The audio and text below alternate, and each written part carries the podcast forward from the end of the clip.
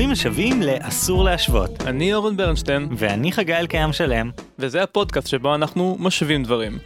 אז אורן, שמת לב שהיו לנו מלא תגובות על הפרק הקודם? כן, וואו, קיבלנו כמה תגובות ממש מעניינות, ונראה לי שנדבר עליהן בסוף הפרק, ככה אחרי הכתוביות. כן, נדבר שוב על איך שוב ניצחתי בסקר, אבל uh, זה, למי שלא ידע, יש לנו בסוף הפרק, אחרי השיר סיום, יש לנו קטע שלם שבו אנחנו מדברים על מה קראנו, איך הגענו לשאלה, מרחיבים על כל מיני נושאים לא לגמרי, לא הכי קשורים, אה, אבל זה מאפשר קצת להעמיק יותר ולהכיר את המקורות למי שרוצה, ובמיוחד זה מאפשר לנו להתייחס למה שעלה בפייסבוק ובשאלות פרטיות ודברים כאלה מאז הפרק הקודם. וזה המקום לחגי לעשות אה, סיבוב ניצחון עליי כשהוא מנצח אותי כל פעם בסקר. למרות ש, שאני חושד שבפעם הבאה יש סיכוי סביר שאורן יעשה את סיבוב הניצחון שלו, אני מאחל לו בהצלחה היום.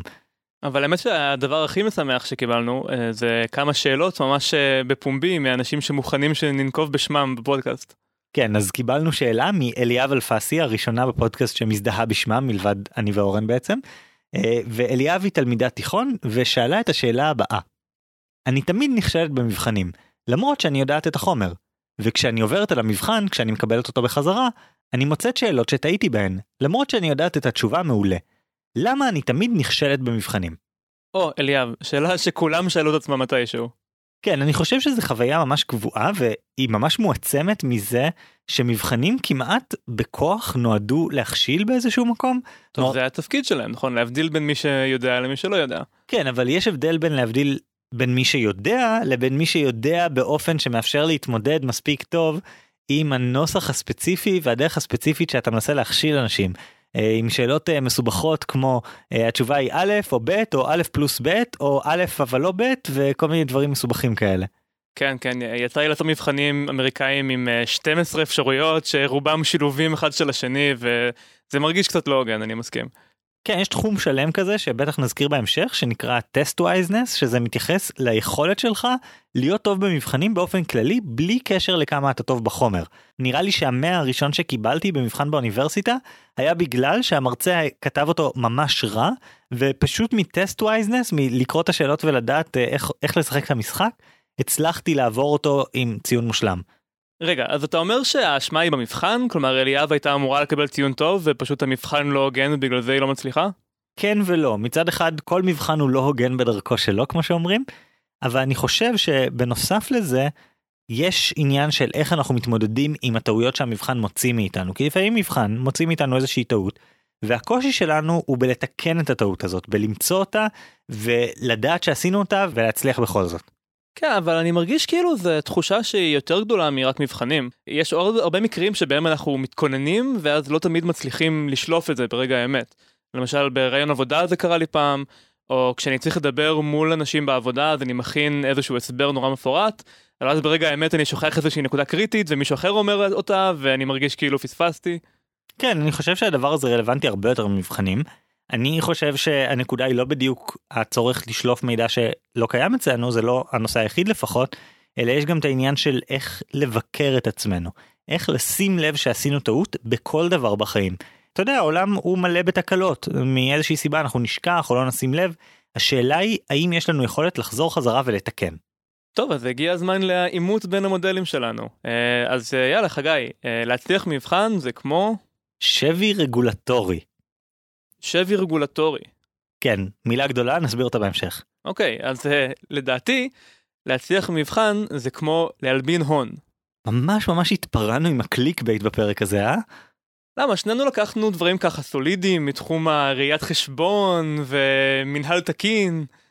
טוב, נראה, נראה איך זה ילך. מה, אתה מתחיל הפעם? אבל רגע, אני התחלתי פעם קודמת. נראה לי שנייסד מסורת שבה המפסיד מתחיל או משהו. כל פעם אתה מוצא דרכים לעקוץ אותי.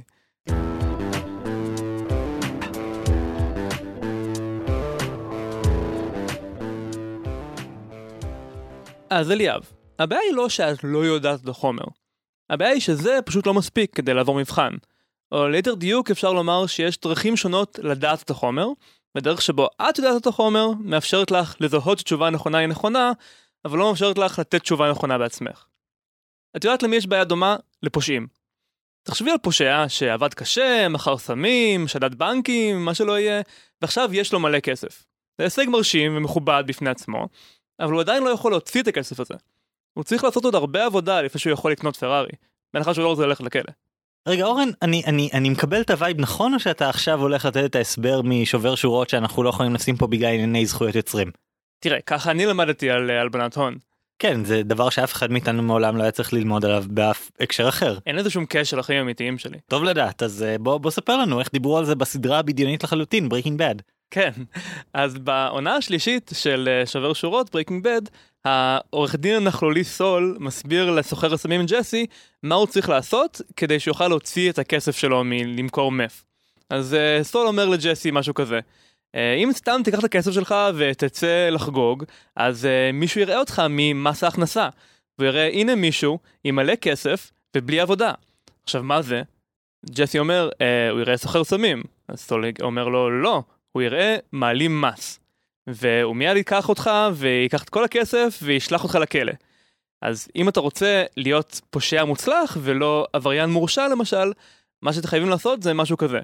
אתה קונה איזשהו עסק לגיטימי, נניח שטיפת רכב, ואז אתה מתחיל להכניס כסף לגיטימי, ואתה משלב בתוך העסקאות הלגיטימיות עסקאות שהן פיקטיביות, שהן בעצם הכסף שהרווחת מקודם בסמים, בצורת כאילו אה, תחלופת כספים של השטיפת מכוניות. לזה קוראים שכבוב, יצירת שכבות של לגיטימי ולא לגיטימי כדי לערפל את המקור של הכסף.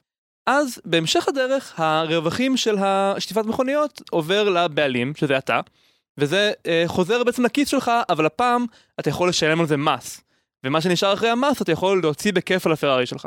אוקיי אני עוקב אני עוקב בעיקר כי ראיתי Breaking Bad נראה לי אה, ובאופן כללי יהיה לינק לוידאו המלא של אה, שובר שורות אה, בהערות הפרק אבל החלק שלא ברור לי בכלל זה איך זה קשור למבחן של אליאב. אז אליאב את יודעת את החומר אז לצורך העניין מכרת את הסמים בהצלחה והרווחת את הכסף. אבל זה לא אומר שאת יכולה להשתמש בחומר כמו שג'סי לא יכול להשתמש בכסף. יש עוד קטגוריה שלמה של עבודה שעוד לא עשית. במקרה של ג'סי זה היה להלבין את ההון כדי שהוא יהפוך לנגיש, במקרה שלך זה לעשות את העבודה כדי שהחומר יהפוך לנגיש. אוקיי, אז איך עושים את זה בעצם? אז בנוסף לזה שצריך שהידע יהיה קיים בראש, חייבים לבנות את המנגנון שמאפשר שליפה מהירה. במחשבים קוראים לזה indexing ו caching. עכשיו, מה זה שני הדברים האלה? בואו נעבור עליהם אחד אחד. indexing, אה, או לבנות אינדקס, זה ממש כמו אינדקס בספר.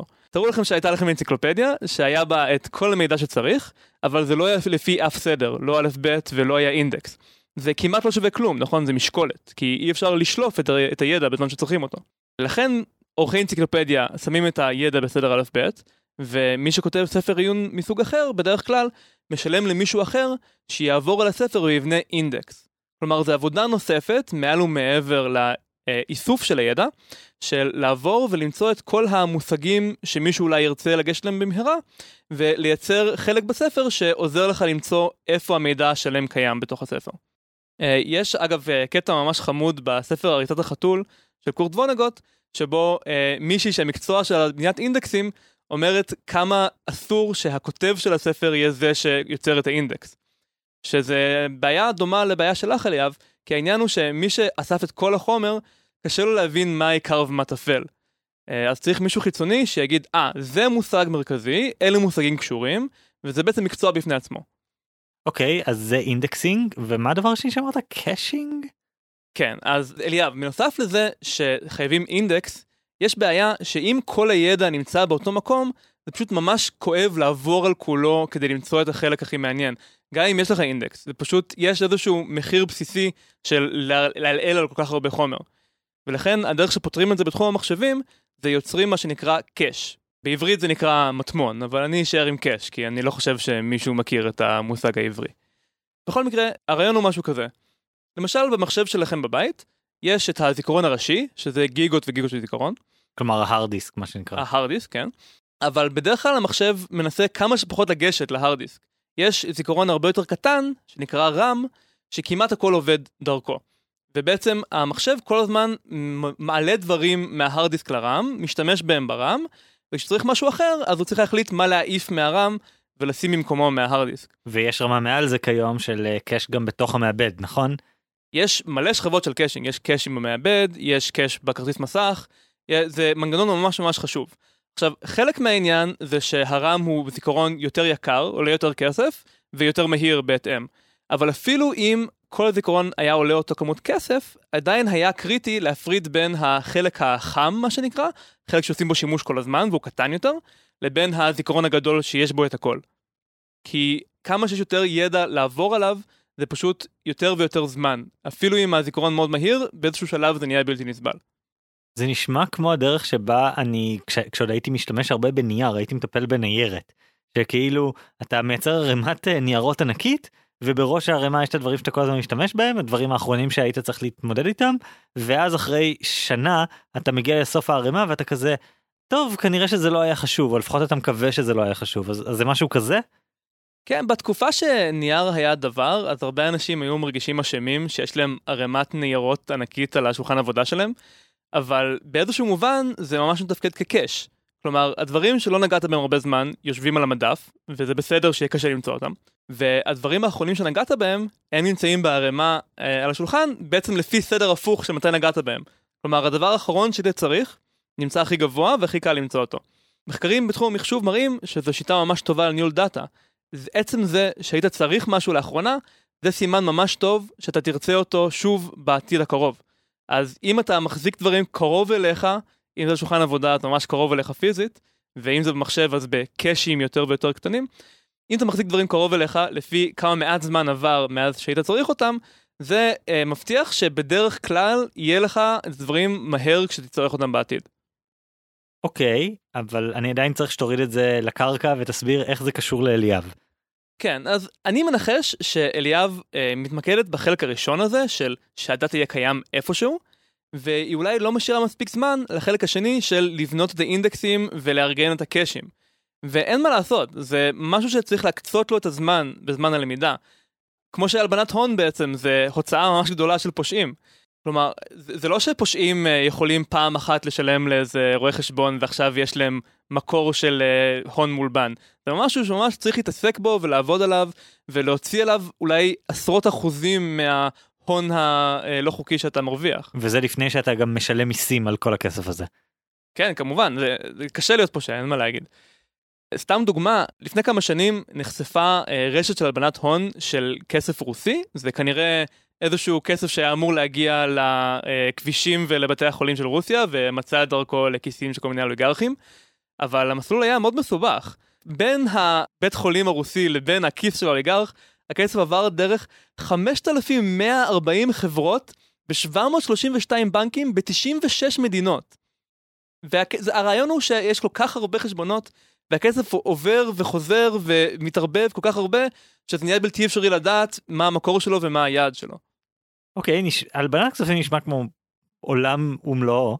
אבל בוא בוא נחזור לאליאב אורן בוא מה אליאב אמורה לעשות איך זה נראה איך בניית האינדקסים נראית אצל אליאב. במובן מסוים ידע הוא ידע אבל כדי לבנות אינדקסים וקאשים צריך לדעת גם איזה שימוש אתה הולך לעשות בו. אם קראת ספר על נניח הלבנת הון ועכשיו אתה רוצה להעביר אליו הרצאה צריך לבנות אינדקס סוג מסוים אבל אם אתה רוצה עכשיו ללכת ולעבוד בתור רואה חשבון של מאפיונר כנראה שהדברים הכי חשובים הם קצת שונים. אז צריך לבנות את זה בהכוונה הזאת. אז הדבר הכי חשוב שהרבה אנשים מפספסים זה שאחרי שעוברים על כל החומר של המבחן צריך לעשות מבחנים. אין תחליף לזה, אתה צריך לדעת מה מתוך הידע הוא ממש חם וקריטי לשאלות במבחן ומה סתם uh, טפל או סתם רקע.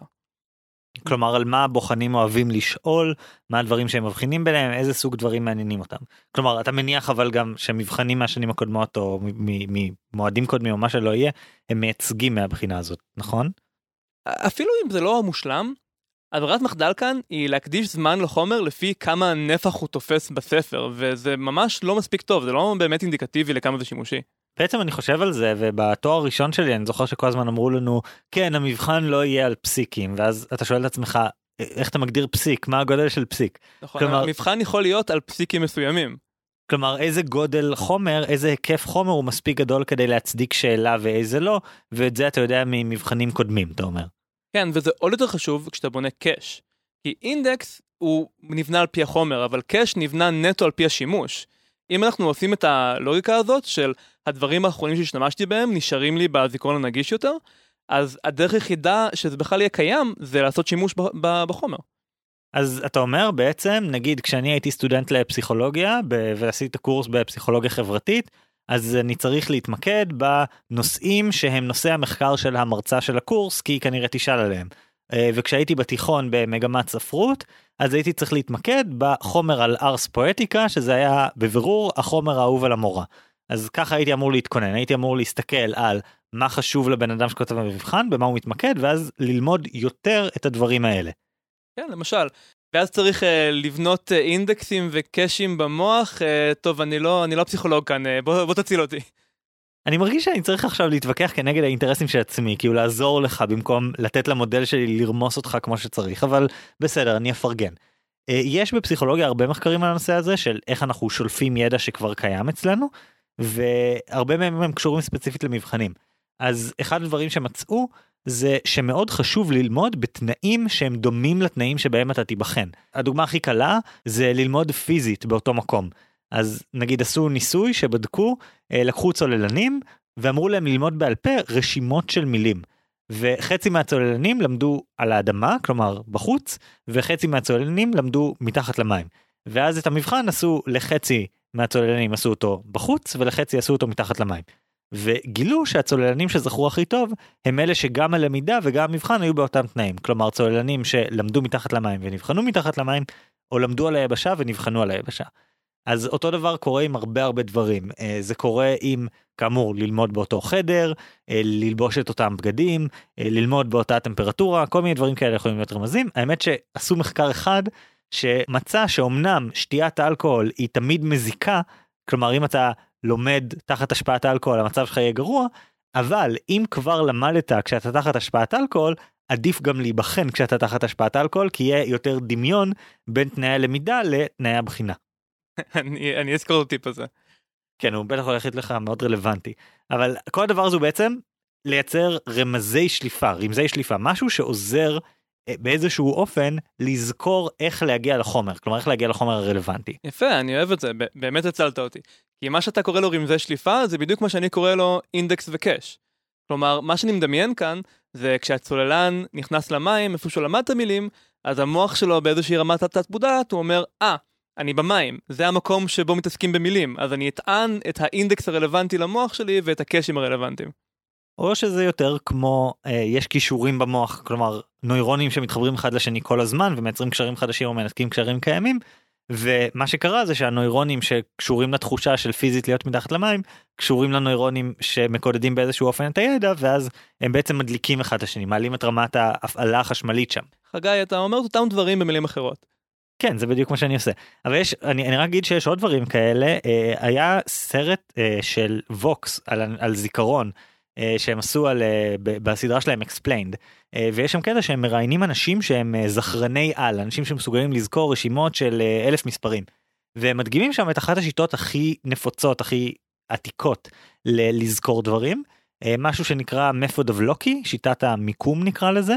שהרעיון הוא שכשהם לומדים את החומר הם אה, ממש מציב, מדמיינים את עצמם נגיד הולכים את המסלול שלהם מהבית לתחנת אוטובוס או מהבית לעבודה או משהו כזה ובכל מיני לוקיישנים בדרך הם מטמינים מדמיינים את הדברים שהם צריכים לזכור. אז אם מבחן זה קל לעשות אז אתה מדמיין כשאתה מדמיין אה, לצורך העניין את אה, אביב העמים 1848 אז אתה יכול לדמיין את ביסמרק אה, עומד בצומת הרחובות אה, בן זכאי ופייר קניג. מה זה אומר עלינו שאנחנו מזכירים את ביסמרק כבר פרק שני ברצף? ביסמרק היה בן מאוד מעניין. אה, אבל אבל זה לצורך העניין ומה הם עשו עם העניין של אה, איך הם זכרו מספרים באופן הזה אז הם כל מספר הם תרגמו אותו לאיזושהי מילה שנראית דומה ואז הם הציבו את הדבר הרלוונטי יש קטע וידאו ממש מדהים של זה הוא זמין ביוטיוב אנחנו נשים קישור אבל הרעיון הוא למצוא איזושהי דרך לזכור שהיא תהיה נורא חיה נורא איזשהו רמז שיאפשר לשלוף את הדבר הנכון במלואו כמו שצריך. אני נוטה להאמין שהדברים שגילינו לאחרונה על מחשבים זה דברים שמנגנונים שקיימים אצלנו במוח מאז ומתמיד וזה מה שעוזר לנו לתפקד. ולי זה נשמע כאילו מה שאתה מדבר עליו זה לגייס את היכולות שלנו לנווט את חיי היומיום כדי לעבור איזשהו מבחן. כלומר אנחנו זוכרים ממש טוב את הדרך שלנו הביתה למשל. זאת אומרת יש לנו איזה מנגנון שליפה ממש יעיל לזה. אז אם אנחנו נהפוך את המבחן, את הלמידה למבחן לסוג של הדרך שלי הביתה בכאילו, אז נוכל לגייס אותם מנגנונים. כן, יש הרבה ממצאים כאלה שגם אנשים זוכרים הרבה יותר טוב חומר שהם למדו אה, באופן אה, אה, קונקרטי שמחובר לדברים שהם רלוונטיים לחיי היום יום מאשר דברים שהם צריכים סתם לזכור כי כעובדות כלליות. אה, באופן כללי המטאפורה שאני משתמש בה זה שהידע שלנו בתוך הראש הוא כמו עץ. וכל פעם שאתה מוסיף פיסת ידע חדשה אז זה כמו לתלות אותה מהקצה של העץ עכשיו אם היא בקצה של העץ היא יכולה ליפול אבל אם אתה רוצה לחבר אותה אז תמצא עוד חלקים בעץ לחבר אותה לחבר אותה לעוד ידע שיש לך ואז היא תאחז הרבה יותר טוב בעצם במונחים שלך זה לייצר אינדקסים. או במונחים של הלבנת הון זה להעביר את הכסף דרך מלא בנקים שונים כדי שיהיה ממש ממש קשה למצוא מי הפושע המקורי. זה מצחיק כי בהלבנת כספים זה למחוק אינדקסים באיזשהו מקום. כן, כאן אנחנו מוחקים ידע, אבל הנקודה היא שכמה שיותר מעמיקים ומעמיקים בשיטה, אז זה הופך את זה ליותר אפקטיבי.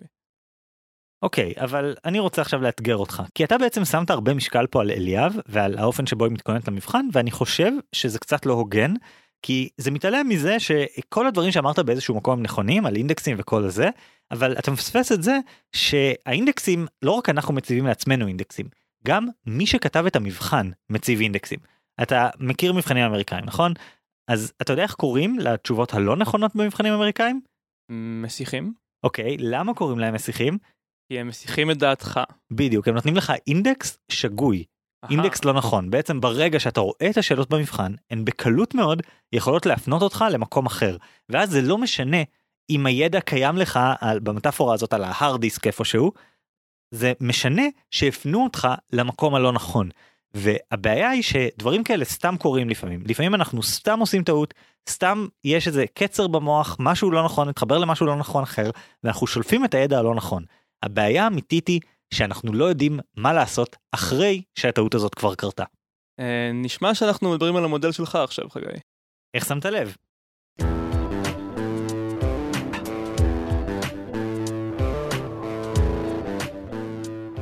אליאב, הפתרון שלי לבעיה שלך הוא פתרון אחר לגמרי. יכול מאוד להיות שאת יודעת את החומר מעולה, אולי אפילו מושלם, אבל בגלל טעות מסוימת, אולי זו טעות שלך, נגיד התבלבלת או שדעתך הייתה מוסחת או משהו כזה, אבל מאוד סביר שזה גם בגלל טעות של המבחן. המבחן מבלבל, אולי אפילו מבלבל בכוונה, ונועד לגרום לך לענות תשובה לא נכונה, אבל לא משנה מה הטעות, בגלל איזושהי טעות ענית תשובה לא נכונה. עכשיו, לימדו את כולנו שלפני שאנחנו מגישים מבחן, אנחנו אמורים לעבור עליו כדי לחפש טעויות, לראות אם פספסנו משהו. והיינו מצפים שבמצב כזה אנחנו נצליח למצוא את הבעיה. אבל זה לא כזה פשוט, כי מי שאמור לפקח על המצב הזה, מי שאמור לוודא שלא עשית טעויות, זו את בעצמך, ואת לא הבן אדם המתאים לעבודה הזו. הדבר הזה דומה למושג שנקרא שבי רגולטורי. שבי רגולטורי זה כשרגולטור, שזה נגיד סוכנות ממשלתית שאחראית לפקח על נושא מסוים, כמו שמשרד החינוך מפקח על בתי ספר, או כמו שהמפקח על בנקים מפקח על בנקים, אז כשהרגולטור הזה נמצא תחת השפעה מאוד גדולה של הגופים שעליהם הוא אמור לפקח. כלומר שהגופים האלה לוקחים את הרגולטור בשבי, לפחות באופן מטאפורי.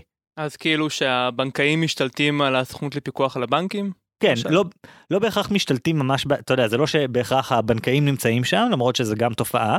כלומר, מאוד נפוץ שאנשים שיושבים בפיקוח על הבנקים הם או לפני כן או אחרי כן עובדים בבנקים, אה, אבל זה לא חייב להיות אה, אה, שבי ישיר, זה לא חייב להיות שהם מפקחים על עצמם, אבל הם מעצבים את התנאים שבהם יפקחו עליהם, הם כותבים את החוקים במידה מסוימת. טוב, במידה מסוימת זה בלתי נמנע, נכון? כי מי מבין יותר טוב בבנקים מאשר הבנקאים למשל? באיזושהי מידה אנחנו חייבים להסתמך עליהם שהם יסבירו לנו מה הם עושים שם בכלל.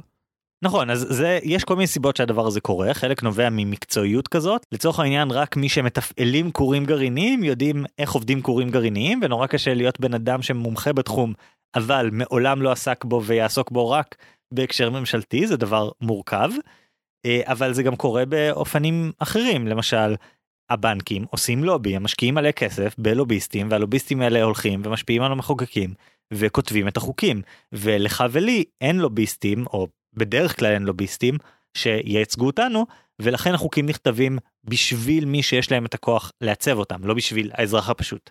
טוב גם אם היה לי לוביסט שיעצב בשבילי את המדיניות של הבנקים אני לא יודע מה הייתי מבקש ממנו לעשות. בדיוק, ולכן יש לנו כל מיני תופעות נורא מעניינות, כמו לובי 99, זה יוזמה ישראלית שהקטע שלה זה לייצר לובי ציבורי. אתה תשלם למישהו כציבור שידאג לאינטרס הציבורי. אה, כמובן זה דבר עדיין נורא קטן ואין בו את סכומי הכסף שהבנקים משקיעים בזה, אבל זה ניסיון לפתור את הבעיה הזאת. אז מה בעצם קורה כשיש אה, שבי רגולטורי, מה, מה הרגולטור עושה אחרי זה? אז תחשוב על שבי רגולטורי כמעין מצב שהחתול כותב את החוקים שיגידו לו איך הוא אמור לשמור על השמנת. כולנו יודעים מה יקרה לשמנת במצב כזה. אז בוא ניקח דוגמה ספציפית. אה, בשנת 2012 יצאה סדרת כתבות בת ארבעה חלקים של העיתונאי ג'ף דון מסוכנות הידיעות AP. הוא כתב על הגוף המפקח על תעשיית הכוח הגרעיני בארצות הברית. אז מה שהוא מצא זה, זה דברים ממש ממש מדהימים. נגיד כשהיו דליפות בשסתומים אז שינו את החוקים כדי שהם יאפשרו פי 20 יותר דליפות. כלומר לא תקנו את הדליפה, לא היה פה רגולטור שיגיד וואו וואו הגזמת עם הדליפות, לא, בעלי הכורים, האנשים שמפעילים את הכורים הגרעיניים הם פשוט אמרו לא לא זה בסדר אפשר פי 20 בתכלס. והיו עוד דוגמאות נגיד היה הרבה סדקים במערכות שלהם או משהו כזה בגנרטורים ואז מה שעשו זה שינו את, ה, את הטסט שה, שהטורבינות עוברות כל שנה. כלומר במקום uh, לבחון אותם בתנאים מחמירים uh, בחנו אותם בתנאים שמאפשרים להם יותר סדקים uh, כדי שלא יצטרכו לסגור אף מפעל. אני אוהב את זה, זה חשיבה של מהנדס. הבעיה היא שהרף גבוה מדי בשביל המפעל, אז אפשר או לשפר את המפעל או להוריד את הרף. בשני המקרים הבעיה נפתרת. כן, רק שאחד מהם יוצר חוסר אמון ציבורי נורא גדול באנרגיה גרעינית, כי הכל נשבר, הכל לא עובד, וזה יוצר מצבים מסוכנים יותר, והמצבים המסוכנים האלה הם בעייתיים. וזה שבר רגולטורי, זה כשאתה משתלט על הרגולציה, והיא בעצם אה, דופקת את כל המערכת. וזה כמובן יכול להיות בעוד הרבה דרכים, נגיד אחד הדברים הכי נפוצים, זה שבנקים אה, מגדירים כל מיני רגולציות שצריך לעמוד בהן כדי לפתוח בנק חדש, ואז קשה נורא להקים בנק חדש ורק הבנקים הוותיקים מסוגלים לעשות את זה. אז אם אני עוקב כאן אחרי הנמשל, בתוך אליאב יש בעצם שני חלקים. יש את הגוף המפקח ויש את החלק שמפוקח שעליו בודקים. כאשר החלק הראשון זה אליאב שעוברת על המבחן והחלק השני זה אליאב שכתבה מלכתחילה את התשובות שלה. בדיוק. מה שקורה בזמן מבחן זה שאנחנו עונים כל מיני תשובות ויש כל מיני סיבות שענינו את התשובות יכול להיות שעברנו על מבחן אמריקאי ותשובה א' נראתה לנו הכי נכונה ופשוט סימנו והמשכנו הלאה כי היינו לחוצים. יכול להיות שבלבלו אותנו באיזשהו אופן יכול להיות שחשבנו על משהו אחר והתבלבלנו בניסוח. יכול להיות שפשוט כתבנו מספרים לא נכונים זה מבחן במתמטיקה פשוט כתבנו בטעות העתקנו בין שתי שורות בצורה לא נכונה. כל מיני טעויות כאלה חלקן אשמת המבחן חלקן אשמתנו זה לא משנה מי אשם. הנקודה היא שכשאנחנו עוברים חזרה המוח שלנו לא בדיוק ערוך ללמצוא את הטעויות של עצמו. כי כשאנחנו נעבור למבחן מה שהמוח שלנו יעשה זה לנסות למצוא איפה הוא צודק. הוא יבדוק את המבחן אנחנו נבדוק את המבחן ואנחנו נחפש לראות מה נכון בזה. והמוח שלנו פשוט יגיד לנו שזה נכון. כי יש פה בעצם שתי תופעות שמשפיעות עלינו. קודם כל, אנחנו נורא מוטים ומחפשים כל הזמן איפה אנחנו צודקים. זה נקרא הטיית האישוש. כל פעם שאנחנו בודקים את עצמנו, אנחנו נחפש לראות מה במה שעשינו קודם, או מה במה שאמרנו, או מה שכתבנו במבחן, מה שם נכון. ואנחנו לא נמצא את הטעויות, אנחנו אולי אפילו נתעלם מהטעויות. והדבר השני זה שנוצר פה איזשהו אפקט של מחויבות. כלומר, מהרגע שכתבתי תשובה מסוימת, אני אוטומטית מאמין במה שכתבתי. המוח שלי יעצב את כל החשיבה שלו כדי להאמין שמה שכתבתי הוא מה שנכון. אז בוא, בוא שניה נפרק כל אחד מהדברים האלה בנפרד כי אלה נושאים נורא גדולים ורצנו אליהם אז נעשה אחד אחד. אה, בוא נתחיל מהתופעה הזאת של הטיית האישוש. אז הטיית האישוש זה הדבר הכי מוכר בעולם נראה לי שחפרו על זה מלא זה בגדול עצם זה שאנחנו מחפשים לראות שאנחנו צודקים אנחנו לא מחפשים להפריך את עצמנו. אחת ההדגמות הכי טובות להטיית האישוש זה משהו שנקרא ה-Wason Selection Task מטלת הבחירה של וייסון או בעיית ארבעת הקלפים. אה, ואני הולך להדגים את זה עכשיו לאורן אני הולך לתאר לכם מה יש מולנו כאן בסטודיו בחדר ההקלטות אבל אני ממש מציע שפשוט תחפשו בגוגל את המטלה אה, ותראו את זה בעצמכם קצת קשה להעביר את זה במילים אבל תדמיינו אה, מה שיש כרגע זה שאני מציג לאורן ארבעה קלפים. על הקלף הראשון כתובה הספרה 3 על הקלף השני כתובה הספרה 8 הקלף השלישי הוא אדום והקלף הרביעי הוא חום. יאללה אני מוכן מה אני צריך לעשות? אוקיי אז אני אספר לך שיש חוק החוק הוא כזה כל קלף שהוא זוגי שיש עליו מספר זוגי בצד אחד, אז בצד השני שלו הוא אדום. אוקיי, אתה עכשיו צריך לבדוק האם החוק הזה נכון או לא. אוקיי. אמ, אז יש מולי 3, 8, אדום וחום, ואני צריך לבדוק האם כל קלף שבצד אחד שלו יש מספר זוגי, הצד השני שלו הוא אדום. כן. אז אני אהפוך את הקלף עם השמונה, ואני אבדוק אם יש שם אדום. ואכן יש שם אדום. אז האם צדקת לדעתך? אה, כן, אני, אני מרגיש די מרוצה מעצמי. אוקיי, תהפוך שנייה את הקלף האדום. אה, יש פה שבע. אז זו בדיוק הנקודה. רוב מוחלט של האנשים, משהו כמו, אני לא זוכר, 70% מהאנשים, מספרים מאוד גבוהים מהאנשים, אה, יעשו בדיוק את זה, יהפכו את הקלף שכתוב עליו 8, כי אמרנו, אם זה מספר זוגי, אז בצד השני יהיה אדום. אז הם אומרים, אה יופי, בוא פשוט נבדוק שזה המצב. העניין הוא שבאמת כדי לבדוק האם החוק הזה נכון, אנחנו צריכים לעבוד בדיוק הפוך. אנחנו צריכים לבדוק האם הקלף האדום שמולנו, האם כתוב עליו מספר זוגי בצד השני. אנחנו צריכים לחשוב ההפך, חשיבה מפריכה. אז בעצם אני רוצה לראות שהחוק מתקיים, אז אני הופך את השמונה כי יש לו הזדמנות להראות שזה נכון, ואני לא הופך את האדום כי האדום רק יכול להוכיח שהחוק לא נכון. טוב, להגנתי ייאמר שאני רואה כאן שפחות מ-10% מהנבחנים המקוריים הצליחו במטלה הזאת. אה אוקיי אז אה, המצב הרבה יותר קיצוני ממה שאמרתי. אוקיי אז אה, להגנתך וכל זה. אבל זו, זו דוגמה.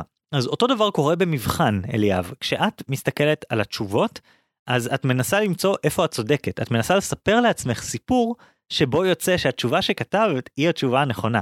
וזה מתחבר למשהו שנראה לי הזכרנו בכמה רגעים ב, אולי בסוף של הפרק הקודם על זה שהמוח שלנו כל כולו הוא סוג של מכונה שהקטע שלה זה להוכיח שצדקנו, זה להסביר לנו איך אנחנו צודקים, להסביר בדיעבד שאנחנו צודקים. כן, אתה אמרת שזה כמו דובר הבית הלבן. כן, זה מטאפורה של ג'ונתן הייט, פסיכולוג, אה, שבעצם אמר, אה, המוח שלנו באמת כמו דובר הבית הלבן, הוא אף פעם לא יגיד, אה, כן, אה, טעינו, המ- המדיניות שלנו הייתה נוראית. הוא תמיד ימצא את הדרך להגיד שהכל היה מתוכנן, הכל טוב, המצב מדהים, הוא תמיד יגיד שהכל סבבה. אז אותו דבר, המוח שלך, ליאב, כשהוא מסתכל על השאלות אחרי שענית עליהן, הוא פשוט יגיד, כן, ברור, את יודעת את החומר, הכל בסדר. וצדקת, הוא לא הולך להגיד, הנה, טעית. אז בעצם הבעיה היא שהדובר עובד בשביל הנשיא, נכון? אז הוא, לא, הוא לעולם לא יגיד, או הנ- הנשיא טעה. וכאן הרגולטור הפנימי של אליאב עובד בשביל אליאב, אז הוא, הוא רוצה לשמח אותה. בדיוק, ואחר כך אנחנו מרגישים, יואו, איזה מטופש זה שפספסנו, אבל ברור שפספסנו, כי אנחנו משלמים, במרכאות, לרגולטור פה, שהגיד לנו שאנחנו צודקים. אנחנו רוצים לצאת בהרגשה טובה מהמבחן, אנחנו לא רוצים לצאת בהרגשה שאנחנו לא יודעים את החומר. כן, אז זה, אז זה דבר אחד שדיברנו עליו. הדבר השני זה הנושא של אה, מה שנקרא דיסוננס קוגניטיבי. אה, אני בטוח שנעמיק על זה יותר באיזשהו פרק בעתיד, אבל אני אגיד בשתי מילים. אה, ניסויים הראו שכשאומרים לאנשים לכתוב משהו, נגיד לכתוב מאמר דעה בעד עמדה שהם לא מאמינים בה, נגיד בעד קומוניזם, אז אחרי זה, אחרי שהם כתבו את המאמר וישאלו אותם מה העמדה הפוליטית שלהם, העמדה שלהם תשתנה לכיוון מה שהם כתבו. כלומר, כשיש סתירה בין ההתנהגות שלנו לבין מה שאנחנו חושבים, הרבה פעמים אנחנו נשנה את מה שאנחנו חושבים, כדי להתאים אותו לאיך שהתנהגנו, כי הדובר הזה שיש לנו בתוך הראש, דובר הבית הלבן, הוא לא יכול להכחיש את ההתנהגות, כי ההתנהגות כבר קרתה, אבל הוא יכול להכחיש את האמונה, את מה שאנחנו מאמינים בו. אז באותו אופן, אם נשליך את זה למצב של המבחן, אז דובר הבית הלבן נראה שכבר כתבנו, אז הוא עכשיו יתגייס עוד יותר לטובת מה שכבר כתוב. או אם מישהו עכשיו כתב מאמר שלם על למה קומוניזם זה טוב, זה אומר שיש לו ממש זמין במוח את כל הטיעונים האלה בעד קומוניזם. ואז כשהוא מנסה לחשוב מחדש אם הוא מעדיף קומוניזם או קפיטליזם, אז באינדקס הפנימי שלו או בקש הפנימי שלו יש מלא דברים פרו-קומוניזם, והם נשלפים הרבה יותר מהר מאשר הדברים שהם נגד קומוניזם. זה בכלל לא עניין של דימוי עצמי, זה פשוט עניין של אה, עלות חישובית של דברים שונים במוח. אז יכול להיות שזה ההסבר, המנגנון שמאחורי אה, דיסוננס קוגניטיבי, אבל זה לא סותר, זה לא סותר את זה שאתה אתה בעצם טוען שאליאב לא ידעה את החומר, כלומר שהיה לו חומר לא נכון, שנשלף לא נכון. אבל אני אומר, לא, יכול להיות שהייתה טעות שליפה, היה איזשהו משהו שגרם לאליאב לשלוף לא נכון, את החומר הלא נכון. ומהרגע שזה קרה, אין לי מה לעשות בקשר לטעות. כלומר, אולי, סבבה, אפשר להתכונן קצת יותר טוב לשאלות הספציפיות של המבחן, נגיד. זה לא ישנה את זה שאם המבחן בא להכשיל אותי, הדרך להתמודד עם זה היא לבדוק את עצמי. היא לדעת יותר טוב לעשות את התהליך הזה של לעבור על המבחן בסוף. אוקיי, אז אתה יכול לתרגם את זה לעצה מעשית? כאילו, מה אליאב צריכה לעשות? תראי, אליאב, כשאת עוברת על המבחן, את צריכה לעשות את זה לגמרי לגמרי אחרת. את קודם כל את צריכה לעבור כל שאלה ולנסות בכל הכוח לבדוק איפה טעית. כלומר, להסתכל על התשובה שכתבת ולנסות לספר לעצמך סיפור על למה מה שכתבת הוא לא נכון, ולראות אם הסיפור הזה מסתדר. הדבר הזה יעורר את החשיבה שלך ויעזור לך אולי להגיע למחשבות או ידע שהיה חסום בפנייך קודם. אז בעצם את עוברת על המבחן ואת לא מחפשת לראות האם התשובה שלך הגיונית, כי תמיד יהיה לך קל למצוא איזשהו סיפור על זה שהתשובה שלך הגיונית, אלא את תנסי לפסול את התשובה שלך ולראות אם יש לך אה, חומר מספיק כדי לפסול. זה בעצם אומר את צריכה להיות האויבת של עצמך בשלב הבדיקה העצמית. האמת משהו שאני סיגלתי לעצמי אה, כשהייתי באותה בעיה זה בזמן שאני בודק לתת לעצמי קרדיט על כל טעות שאני מוצא. כאילו עכשיו משימה שלי היא למצוא כמה שיותר טעויות. כאילו שמישהו אחר וטיפש כתב את התשובות, ועכשיו אני אה, אדפוק אותו ואמצא איפה הוא טעה. זה בדיוק שינוי ה mindset, אופן החשיבה, שמאפשר לנו אשכרה לעשות את הדברים האלה, לעצור את עצמנו. אגב, הדבר הזה נכון לא רק בשלב המבחן, אלא גם בשלב הלמידה. הרבה פעמים, אה, אני למדתי אה, למבחנים בפסיכולוגיה, מה שאשתי אוהבת לקרוא לו מבחני רב מלל. שללמוד למבחן זה פשוט לקרוא איזה 70 עמודים של חומר, שוב ושוב, עד שאתה מרגיש שאתה יודע הכל. ושם יש בדיוק את הבעיה הזאת שבפעם השלישית שאתה לומד את החומר הכל מרגיש לך מוכר ואתה לא מוצא את הדברים שאתה לא מבין כי המוח שלך פשוט אומר כן כן מכיר מכיר מכיר ואתה כבר קראת את זה כמה פעמים אז אתה פשוט רץ על זה קשה לך נורא לקרוא את זה לאט ו- ובזהירות. והדרכים הכי טובות שאני מכיר להתמודד עם זה זה לקחת את החומר הזה ואז לספר אותו למישהו אחר ללמוד ביחד עם עוד מישהו ואז אתם עוברים דבר דבר כל אחד מספר לשני מה הוא למד ואז דברים שקלים לך לא יהיו קלים לבן אדם השני ודברים שקלים לו לא יהיו קלים לך וזה אומר שהוא יגיד רגע רגע שכחת פה משהו או שהוא ישאל אותך שאלות הבהרה בדברים מסוימים ואתם בעצם תחדדו אחד את השני. בזמן המבחן אני לא יודע בדיוק מה אפשר לעשות בנושא הזה אבל הכלל העיקרי הוא שאנחנו מחפשים דרכים לשים ברקסים לחשיבה שלנו. אה, יש אה, חוקרת באוניברסיטה העברית שהייתה מנחה שלי בשני סמינרים בתואר הראשון ובתואר השני ועכשיו היא חברה בוועדת הדוקטורט שלי דוקטור רות מאיו שהיא חוקרת את כל הנושא של שלילה של איך אנחנו מתמודדים עם שלילה במוח. ובעצם מה, ש, מה שהיא מוצאת במחקרים שלה זה שהמוח שלנו יש לו כאילו שני מצבים בדרך כלל אנחנו במצב של פשוט לקבל כנכון את כל מה שאנחנו רואים ויש לנו מצב שני של לא לקבל את מה שאנחנו רואים.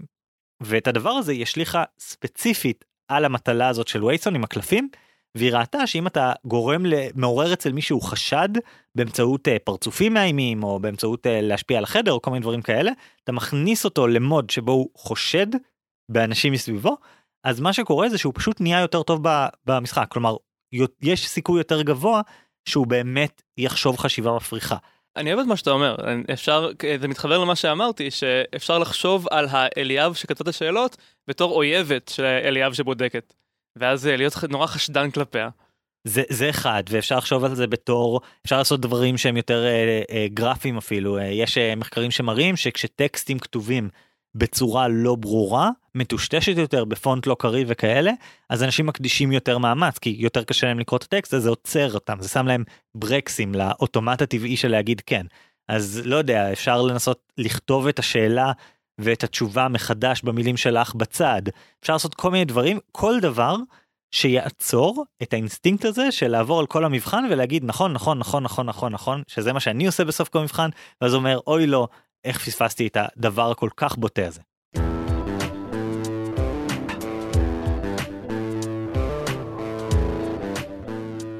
אוקיי, okay, אני לא יכול להתכחש שהעלית הרבה נקודות טובות הפעם, אה, אבל אני מרגיש כאילו הדברים שאני אמרתי הם שימושיים לטווח יותר רחב של אה, מצבים בחיים, אז אני עדיין חושב שמגיע לי לנצח כאן. אני חושב שאני עניתי יותר לשאלה של אליאב, כלומר אליאב שאלה אותנו למה למרות שהיא יודעת את החומר היא עדיין מפספסת במבחנים. אני מקבל את מה שהיא אמרה, אני באמת מאמין שאליאב יודעת את החומר ופשוט הייתה תקלה כלשהי והיא פשוט לא הצליחה לתפוס את התקלה הזו. אני גם חושב שהיא יודעת את החומר, אבל פשוט לדעת את החומר עבור משימה מסוימת זה שאלה שונה מאשר לדעת את החומר בכללי. וזה משהו שהוא ממש חשוב לכל דבר שקשור לזיכרון, שזה כמעט כל דבר שאנחנו עושים בתור בני אדם. כן הדברים הדברים של איך אה, לאבד ידע נכון הם ממש קריטיים אני יודע אני קורא לא יודע 50 ספרים בשנה מספר עצום וכל הזמן יש לי עיסוק באיך לעזאזל אני יכול לזכור את הכל, כי זה המון ידע. ונכון שלפעמים באים ושואלים אותי שאלה ספציפית על, על תחום ואז אה, מה שנקרא נותנים לי רמז שליפה נכון ואז אני באמת זוכר הכל והכל יפה ו- וממש אני רואה שהמידע קיים שם. אבל לפעמים אני מרגיש שהמידע לא לגמרי קיים שם בצורה עצמאית ונגישה ואני צריך למצוא את הדרכים לעשות את זה וזה עיסוק מאוד משמעותי למי שכל הזמן צריך לצרוך עוד ועוד תוכן. איך אני לומד את התוכן נכון בין אם אתה עורך דין או מתכונן לפרזנטציה. כן, אני לא יודע מה איתך, אבל כשאני קורא ספר לאסור להשוות, זו חוויה לגמרי אחרת מאשר אני קורא ספר בשביל להעביר עליו הרצאה בעבודה, ואלה דבר, אלה משימות יחסית דומות. כן, אז יש לנו, זה, זה בעצם איזושהי אמירה על זה שהלמידה צריכה להתאים למטלה, זה נשמע לי מאוד מאוד נכון. אבל אני חושב שגם הדבר שאני אמרתי על כל הנושא של שבי רגולטורי הוא, הוא נורא קריטי, הוא ההבנה שמה שנקרא במדיניות ציבורית אתה צריך רגולטור עצמאי, אתה צריך שמי שבודק את, ה, את העבודה שלך יהיה מישהו שעצמאי ממי שאשכרה עשה את העבודה. כמו שכשאתם כותבים לצורך העניין טקסט, אה, עבודה, ספר, מה שבא לכם, פוסט לפייסבוק, אז לכם הוא יראה ממש סבבה, אבל תעבירו אותו למישהו אחר ובום, פתאום הוא יראה דברים שאתם לא הייתם רואים. יש איזו אמירה כזאת בייעוץ ארגוני על כאילו למה לזה אנחנו, או ייעוץ אסטרטגי או כל הדברים האלה, למה אנחנו משלמים כסף ליועץ חיצוני שצריך ללמוד את כל הנושא עכשיו מאפס במקום שמישהו מאיתנו שכבר מכיר את הנושא ואת החברה ואת הארגון וכל מה שצריך במקום שהוא יפתור את זה בגלל המשפט הנודע אורח לרגע רואה כל פגע. תראה במידה מסוימת זה לא באמת אפשרי שיהיה לי רגולטור עצמאי בתוך המוח של עצמי. גם אם אני חושב שאני הכי ניטרלי והכי רואה דברים מהצד יש דברים שאני לא שולט בהם ואני תמיד אהיה בצד של עצמי תהיה לי עטיית אישוש אני ארצה להאמין שאני חכם. אבל אני מסכים שאם זה יהיה במודעות, אנחנו נוכל לנסות קצת לפתח עצמאות בין השכבות האלה. או למצוא את הדרך לשים את הברקסים למה שעשינו. לצורך העניין, אליאב, בפעם הבאה שאת לומדת למבחן, תקחי את כל הסיכומים של המבחן, תעשי control A, תבחרי את כל הטקסט ב Word, תשני את זה לפונט מעפן מכוער, ואז הכל יהיה בברקסים לאט יותר, וגם הלמידה שלך תהיה יותר טובה. טוב, כרגיל, אנחנו מפנים את השאלה אליכם, קהל המאזינים. אה, אני לא חושב שיש סתירה בדיוק בין מה שכל אחד מאיתנו אמר, אבל מי יותר צדק או מי יותר עזר לאליאב? אני או חגי? אוקיי, okay, אז uh, תודה רבה על ההאזנה, מקווים שעזרנו לך אליאב, מקווים שבפעם הבאה שתגישי למבחן הכל יהיה יותר ברור. אני הייתי אורן ברנשטיין. אני חגי אלקיים שלם. ונתראה בפעם הבאה עם השוואות חדשות.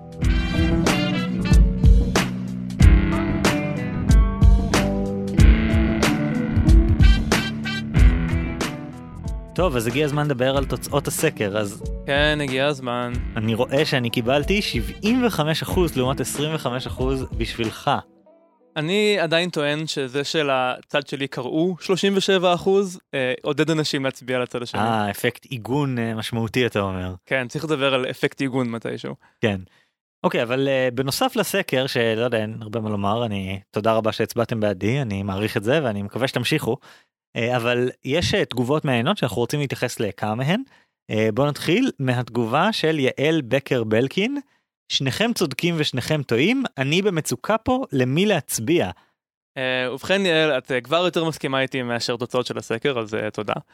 אני חשבנו לעשות פרק שלם על למי להצביע בסקר, אבל אז אמרנו שזה הרבה יותר מדי מטא, אז אולי בפרק 50 שלנו, לא בפרק 4. אבל התשובה היא, איך אני מתמודד עם מצבים כאלה, אני בחרתי להצביע כדי אה, לנסות ככל הניתן להביא את התשובה של אורן לתוצאה של 37% בסקר. זה אומר שחגי הצביע לי בסקר ועדיין קיבלתי 25%. טוב בוא נמשיך הלאה לתגובות נטפה יותר בשר. אז uh, מיכאל גורודי נתן תגובה נחמדה, הוא אמר שהמודל שלי אמנם הוא לא מדויק ולא אופטימלי ולא מתחשב בכל מיני דברים, אבל הוא מודל, אז הוא נותן איזשהו כלל אצבע. כלומר, אם אתה כבר יודע שמישהי האחת, אז כאילו אין בעיה. השאלה היא מה עושים בכל המצבים שבהם זה לא כך ברור. ואז מודל נותן נקודת פתיחה בעצם שאפשר לעבוד איתה. אז כלומר במקרה של הראל המודל שלך לא רלוונטי כי כאילו אם כבר מרגיש שהוא שהיא אחת אז כאילו סבבה שיזרום עם זה הכל סבבה. אבל uh, באופן כללי בחיים זה דרך טובה להסתכל ולדעת איפה אני כרגע מה מצבי מה קורה כזה להרגיש טוב להרגיש לא טוב עם המצב שלי בחיפוש. כזה לדעת מה קורה באופן כללי. כן, כאילו להגיד שכשאתה יודע אתה יודע לא עוזר לך כשאתה לא יודע. אוקיי נקודה טובה אוקיי, נעבור לתגובה של גיא מור שכתב לגבי התשובה שלי עם הלחם מחמצת. הוא הפנה אותנו לספר אומנות האהבה של אריך פרום. אה, והסתכלנו קצת על הספר ומה שמעניין שם זה בעצם האמירה שאהבה לא צריכה להיות אה, להיתפס כאיזה משהו מיוחד קדוש יוצא דופן נדיר אלא זה כישרון כמו כל הכישורים זה משהו שאפשר להשתפר בו אתה יכול להשתפר בלהפות ואתה יכול להשתפר בלאהוב וזה מה שחשוב כלומר קשר יהיה טוב אם נשקיע בו. ולמרות שנראה כאילו זה בדיוק בדיוק אומר את מה שאני חושב אני חושב שיש בזה משהו שגם תומך במה שאורן אומר כי אורן בעצם יישם איזשהו מודל מתמטי על אהבה ומלא אנשים מלא מהתגובות היו אוי לא איך אתה נוגע בדבר הקדוש הזה עם מתמטיקה. אבל אם לוקחים את מה שאריק פרום אומר אז הוא גם באיזשהו מקום נותן לזה איזשהו גב הוא אומר כן זה דבר זה, זה עוד כישרון זה עוד משהו שאין כזה למצוא את האחת או משהו כזה יש לעבוד על זה זה כאילו הולך לשני הצדדים. כן, מבחינתי, אם, אם נסכם את המסר שלי בכמה מילים, זה לאו דווקא 37%, זה כאילו בוא נסתכל על זה כבעיה כמו בעיות אחרות. כן, כלומר נמצא דרך, נמצא, והכלי שלך, אני באמת מרגיש, כאילו בדיעבד, שאתה נתת כלי הרבה יותר ברור. כלומר, אני אמרתי להראל סבבה, תרגיש טוב, כאילו הכל סבבה, אתה לא צריך לחשוש. אם זה קשר טוב ויש בו את מה שאתה צריך, תשקיע בו והוא יעשה עוד יותר טוב ואתה לא צריך לדאוג שאתה מפספס. אה, אבל אתה נתת תשובה לכל שאר האנשים כאילו לכל בן אדם אחר שנמצא באיזושהי התלבטות אה, בלי לדעת אה, שזאת האחת או להרגיש שזאת האחת. אני מבין שקל לך לפרגן לי כשאני מפסיד ככה. כן זה הרבה יותר קל בדיעבד. כן אז ממש קיבלנו אחלה תגובות ממש המון תודה לכל מי שכתב ואנחנו נשמח להמשיך לקבל מכם תגובות שאלות טענות ירידות עלינו או כל מה שתבחרו. אז בואו נמשיך הלאה למה קראנו השבוע אתה יכול להתחיל חגי. אה, אז האמת שלא קראתי הרבה דברים חדשים כי זה נושא שאני מאוד כאילו מלבד על שבר רגולטורי שזה נושא שהייתי צריך קצת להבין אה, איך הוא הולך אה, אבל שם בעיקר ויקיפדיה יוטיוב דברים כאלה כזה לראות כמה גרסאות של זה. אני אפנה אני אפנה בכמה לכמה כתבות יותר טובות שקראתי אבל אני חושב שהמודל הפסיכולוגי שמאחורי זה הוא מודל ממש משמעותי שאני מתעסק בו הרבה זמן. Uh, הנושא של uh, חשיבה אוטומטית לעומת חשיבה uh, לא אוטומטית זה משהו שכמובן כהנמן כתב עליו הרבה בספר שלו שדיברנו עליו כבר בכמה פרקים קודמים לחשוב מהר לחשוב לאט אבל זה גם דבר שעשיתי לדעתי שני קורסים על הנושא הזה בא, באוניברסיטה מסביב לנושא של שלילה והפרחה עם דוקטור רות מאיו שכתבה את אחד המאמרים שהזכרנו. האמת שהמאמר שהז... שהזכרתי פה על מטלת וייסון ואיך שמצב של חשד גורם לך להיות טוב בזה אנחנו במשך שנים היא סיפרה לנו על התוצאות האלה וחיכינו שהוא יתפרסם ממש ממש ממש חיכינו וכזה שאלנו אותה נו רותי יש איפה לפרסם את זה יש כאילו לאן להפנות והיא כזה לא עוד לא עוד לא. אה, שנתיים אחרי שסיימנו את התואר השני המאמר סוף סוף יצא לאור ויש קישור אליו בהערות הפרק. אה, אבל כל התחום הזה הוא מעניין התחום של איך אנחנו גרועים בלשטר את עצמנו ואנחנו צריכים למצוא דרך לעשות outsourcing אה, באיזשהו אופן לשיטור הזה. האמת היא שבאיזשהו אופן זה מתחבר למה שדיברנו עליו לפני שני פרקים על diversity. כשמדובר בקבוצה עם כמה אנשים אז חשוב שיהיה להם עצמאות מחשבתית נכון כדי שכל אחד יתרום את הפרספקטיבה שלו. וכשאנחנו רק עם עצמנו זה סוג של הכי פחות diversity שיכול להיות ואז כל הרעות החולות האלה צפות אה, שזה בעצם כאילו group think רק שה group מורכב מבן אדם אחד. כן אז אנחנו צריכים למצוא את הדרך לתת לנו איזשהו סוג של מגוון שיבקר אותנו. ובהתאם זה נורא קשה לייצר diversity בתוך הראש של עצמנו כי אי אפשר כל כך להכניס אנשים. אבל אנחנו יכולים למצוא כל מיני דרכים אה, לעצור את עצמנו אה, לנסות לייצר תחרות מול עצמנו. אה, זה כמו הקטע הזה שאתה רואה אלופי שחמט משחקים שחמט נגד עצמם שזה כישרון מאוד מאוד מרשים. אז אני לא יודע אם אנחנו יכולים לעשות את אותו הדבר אבל זה דרך טובה להסתכל על העולם לחפש איפה אנחנו יכולים לאתגר את עצמנו ולא אוטומטית לזרום עם עצמנו על הכל. כן, בתכנות יש אה, שיטה דומה האמת אם אתה אה, לא מצליח להבין איפה הטעות שלך בקוד איפה הבאג שלך אז אה, יש את מה שנקרא rubber ducky debugging שזה שאתה מחזיק ברווזון גומי כזה של אמבטיה על השולחן ליד המחשב וכשאתה נתקע אתה מבקש עזרה מהברווזון. עכשיו מה זה אומר? צריך להסביר לו בדיוק מה ניסית לעשות שלב אחרי שלב ושאתה לא מבין למה זה לא עובד. ואז מה שבדרך כלל קורה זה ברגע שאתה מדמיין שאתה מסביר את זה למישהו חיצוני אז פתאום אתה צריך לחשוב יותר לעומק על ההחלטות שקיבלת יש לך חשיבה פחות מסכימה ואתה מוצא את הבאג.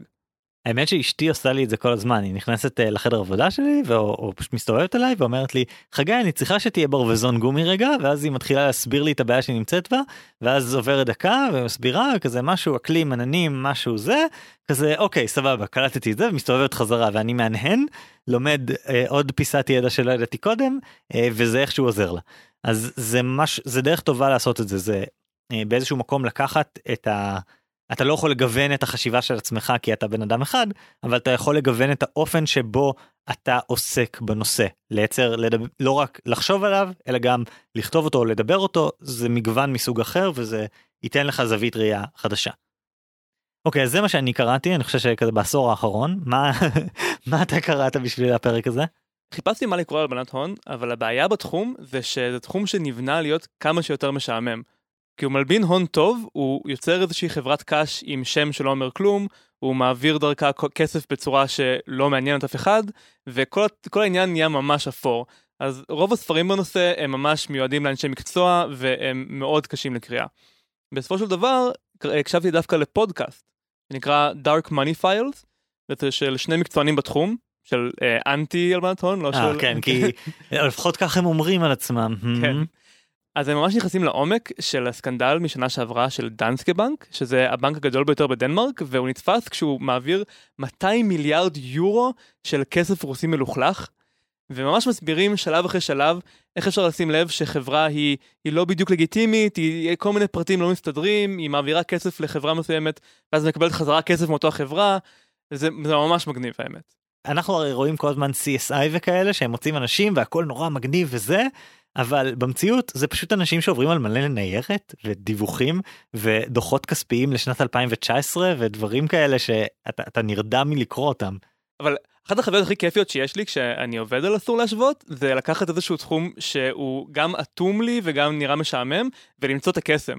אז uh, סתם דוגמה החוקרים האלה של הפודקאסט הם שמו לב שמלא מהחברות קש האלה יש להם שמות נורא דומים זה כזה לקסטאר וסטארלקס ומונט בנק ובנק מונט אז אחד מהם כתב תוכנה שמערבלת את כל הצירופים האפשריים של ההעברות האלה, והוא הצליח למצוא כמעט 400 חברות קש רק כי השם שלהם נורא משעמם. שזה מצחיק זה ממש כמו למצוא לפרוץ למחשב של מישהו באמצעות לנסות את כל הקומבינציות של השמות של המשפחה שלו. זה כאילו להניח שהבן אדם קצת דביל בצד השני. כן, כן קצת דביל. אה, אז כן, כמעט 400 חברות, ומתוכן כמעט 70 שייכות לאותו בן אדם שהוא בכלל רופא שיניים בבלגיה, וכאילו מרוב שזה אפור זה איכשהו נהיה ממש עסיסי. זה נשמע כמו תחום שברגע שאתה נכנס אליו הוא יכול ממש לספק הרבה עניין ו- וממש יכול להיות מרתק אבל כאילו מהצד אין שום סיכוי שתחשוב עליו ככה זה זה רק מוכיח שבכל תחום תוכן יש עולם שלם שאפשר לצלול לתוכו. שזה סוג של ה mission statement שלנו כפודקאסט אז זה נחמד אה, לגלות את זה מחדש כל פעם. אה, כן אה, זה וכמובן הכל בזכותכם שאתם אה, שולחים לנו שאלות משלכם שמאתגרות אותנו עוד יותר ככל שתביאו לנו דברים יותר קשים או יומיומיים מהצד השני זה מאתגר אותנו ללכת למקומות יותר קיצוניים. חוץ מזה לגבי כל הסיפור של ה caching וה indexing אני חזרתי לספר שדיברנו עליו שבוע שעבר Algorithms to live by שהוא באמת משאב מדהים. ויש שם את הכתב הגנה של לארגן את הניירות שלך בערימה ענקית על השולחן במקום באיזושהי צורה שנראית יותר נורמלי. ואני חושב שיש שם איזה קטע גם על איך להשתמש בבגדים שאני עושה בדיוק את הדבר ההפוך שנראה לקחתי את זה משם. אה, שאם אתה רוצה לוודא שאתה לא חורש את אותם בגדים שוב ושוב אז אתה צריך לעשות בדיוק ההפך כי הרגל שלנו זה לקחת את הבגדים שהבגד האחרון שהשתמשנו בו לשים אותו בראש הערימה ולהמשיך ככה אבל אז מה שקורה זה שאנחנו חורשים על הדברים שלמעלה. ואם אתה רוצה לגוון יותר את הבגדים אז כל פעם שאתה מסיים להשתמש בבגד אתה שם אותו בתחתית הערימה ואז אתה מעלה את הדברים שהשתמשת בהם פחות. ואם יש משהו שאתה לא רוצה ללבוש אז תיפטר ממנו אל, אל פשוט תשאיר אותו למטה שיתפוס מקום. כן, גם באותו הקשר היה שם טיפ חמוד לספריות אם מישהו כאן מנהל ספרייה שלשים את האזור שבו מחזירים ספרים במקום לשים אותו מאחורה בספרייה כי הוא מבולגן ופחות יפה לשים אותו ממש בלובי כדי שאנשים יוכלו לקחת ישר את מה שמישהו אחר רגע החזיר שזה כנראה הספרים הכי מעניינים. אני קצת מרגיש השם שחזרתי לאותו ספר שני פרקים ברצף אבל הוא באמת תוצר. אני באמת חושב שיהיו פרקים שנחזור אליהם עוד הרבה.